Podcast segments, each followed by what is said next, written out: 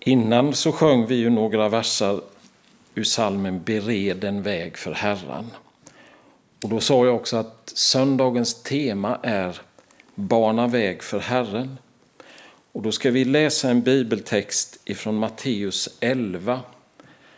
Och ni kan ju använda era biblar som ligger här framför er, för vi kommer titta lite i den ibland. Matteus 11, verserna 2 till 11.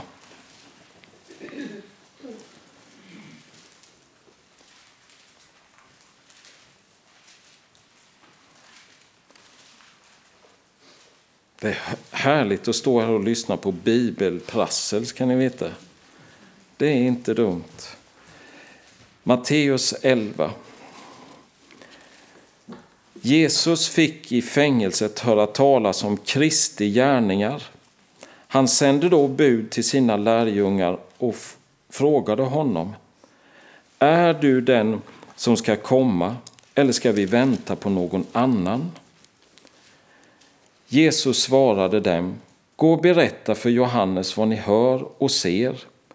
Blinda ser, lama går, spetälska blir rena, döva hör. Döda uppstår och fattiga får höra glädjens budskap. Salig är den som inte tar anstöt av mig. När de hade gått började Jesus tala till folket om Johannes. Vad gick ni ut i öknen för att se?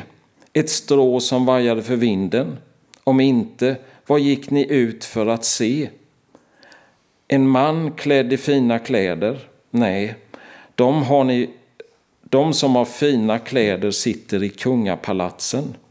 Så vad gick ni ut för att se? En profet?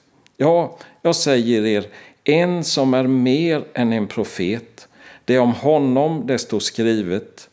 Se, jag sänder min budbärare framför dig och han ska bereda vägen för dig. Jag säger i sanningen, bland dem som fötts av kvinnor har ingen trätt fram som är större än Johannes döparen. Men den minste i himmelriket är större än han. Amen. Ja, om ni hittade lite olika textskillnader här nu så läste jag ifrån folkbibeln och ni hade bibel 2000. Men Johannes döparen fick alltså, som satt i fängelset, fick höra talas om att Jesus gjorde under och tecken. Och Johannes hade det verkligen svårt nu. Fängelset som han satt i, cirka 15 kilometer ifrån eh, Jerusalem, det var inte som våra fängelser nu. Och ni kan föreställa er, tror jag, att det är fukt på väggarna. Det är råttor som tittar fram ur lite håligheter och där han sitter på den kalla stenen så känner han betten av löss och loppor och rummet luktar illa. Inte finns det någon toalett där, inga gardiner för fönstren och inga blommor och ingen tv-apparat. Och maten är usel. Och inga gräshoppor och inga vildhå, ingen vildhonung som var Johannes döparens favoriträtt. Det står det också om i Bibeln. Men Johannes, varför hade han hamnat där? Jo, han hade pekat med hela tid handen och sagt till kung Herodes av Agrippa, att, eller av Antipas, du lever i synd. Du lever sambo med din brors hustru och det är fel. Och det sa han flera gånger och den där kungen han tröttnade på det och slängde Johannes i fängelset. Men man får tydligen ta emot besök här där Johannes är. För han skickar några av sina lärjungar till Jesus och frågar, är du den som ska komma eller ska vi vänta någon annan? Jag tror att Johannes hade kommit i tvivel här. För Johannes hela livsgärning gick ju ut på att han skulle ha banat väg för Jesus. Och Johannes hade verkligen sett hur Gud var nära Jesus. Johannes fick döp, eller Jesus blev döpt av Johannes och då såg Johannes hur anden sänkte sig ner över Jesus som en duva.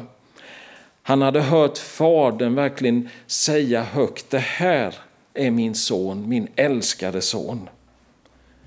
Och jag tror att det Johannes hade sagt och gjort innan det var att han hade skakat om människoskarorna som kom till honom. För han talade de orden som de behövde då för att komma på rätt väg. Men ändå satt han där och funderade, är du den som ska komma? Den som ska komma var ett uttryck då för Messias, den väntande konungen. Och då undrar jag, Johannes, är du den som ska komma? Jag tror i min fantasi lite då att Matteus är lite kortfattad här när han skriver. Jag tror att när lärjungarna från Johannes kom till Jesus så fick de vara med honom lite. De fick se vad Jesus gjorde, de fick höra hur han talade. Och sen sände Jesus tillbaka dem till Johannes för att berätta att blinda ser, lama går, spetälska blir friska och döva hör, döda uppstår och för de som är fattiga så är det ett glädjebud.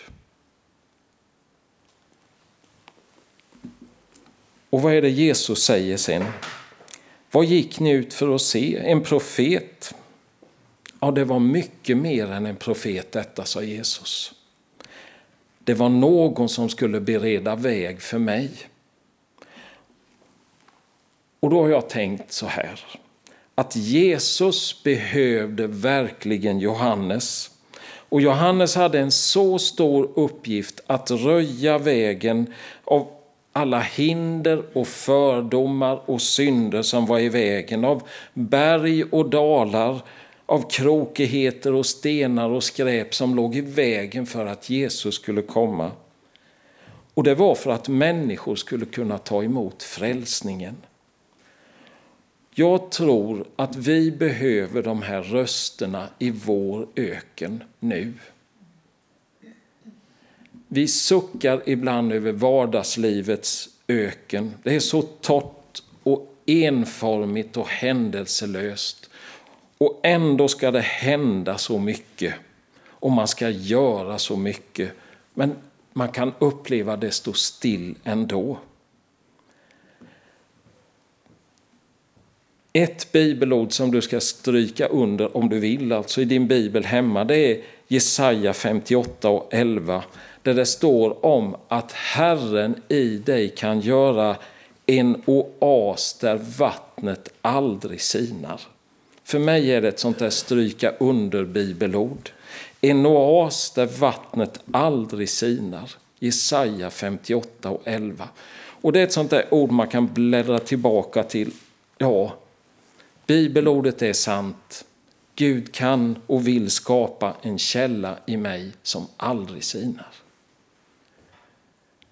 Ibland har jag märkt, och det är säkert så, att det kommer upp idéer om att det är ganska eländigt med våra pastorer och präster nu för tiden. De pekar aldrig med hela handen så här.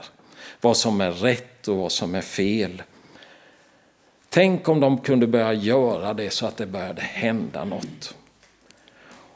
Och så är det till och med en del som har sagt då, tänk om Gud kunde sända en ängel och leda församlingen.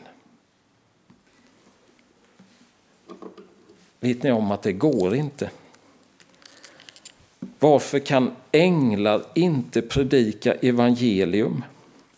Varför kan en ängel inte vara en profet? I första Petrus brev 1 och 12 så står det så här. Det budskap har nu förkunnats för er genom den helige Ande och sänt från himlen så gavs er evangeliet. Ett budskap som änglar längtar att få inblick i. Petrus hade verkligen upptäckt detta, att Jesus hade förlåtelse och försoning med hans liv. För en ängel har faktiskt inte en aning om vad evangeliet är. Varför då? Jo, för de har aldrig syndat. De är perfekta, de är fullkomliga. Därför kan de inte förmedla nåd. Det kan bara den göra som är en förlåten syndare. De som Jesus kallar var de som fick och är de som får förlåtelse för sina synder. Därför kan man tala om nåden. Så då finns det hopp för mig. Det finns hopp för dig. Och du kan vara den profeten i öknen för någon annan människa. Det behöver inte vara något fantastiskt och stort, något änglalikt. Utan du kan vara den här rösten i öknen för någon annan. Och det behövs. I Bibeln 2000 som ni har framför er, så i Ordspråksboken 29.18 så står det att utan profeter förvildas folket. Det blir tygelöst och utan respekt och utan fruktan för Gud. Och i Saltaren 111 och 10 står, står det att Herren är början till vishet. Så vårt land, vårt folk, de vi människor vi behöver, behöver en profet, behöver dig som talar om vem Jesus är. Johannes döparen fick vara det. Och han är den störste, står det, men ändå den minste i himmelriket. Jag tror vi behöver be om profeter i vår tid, precis som Johannes döparen var en profet. Och Gud kan lägga denna kallelsen och vill lägga den kallelsen på dig.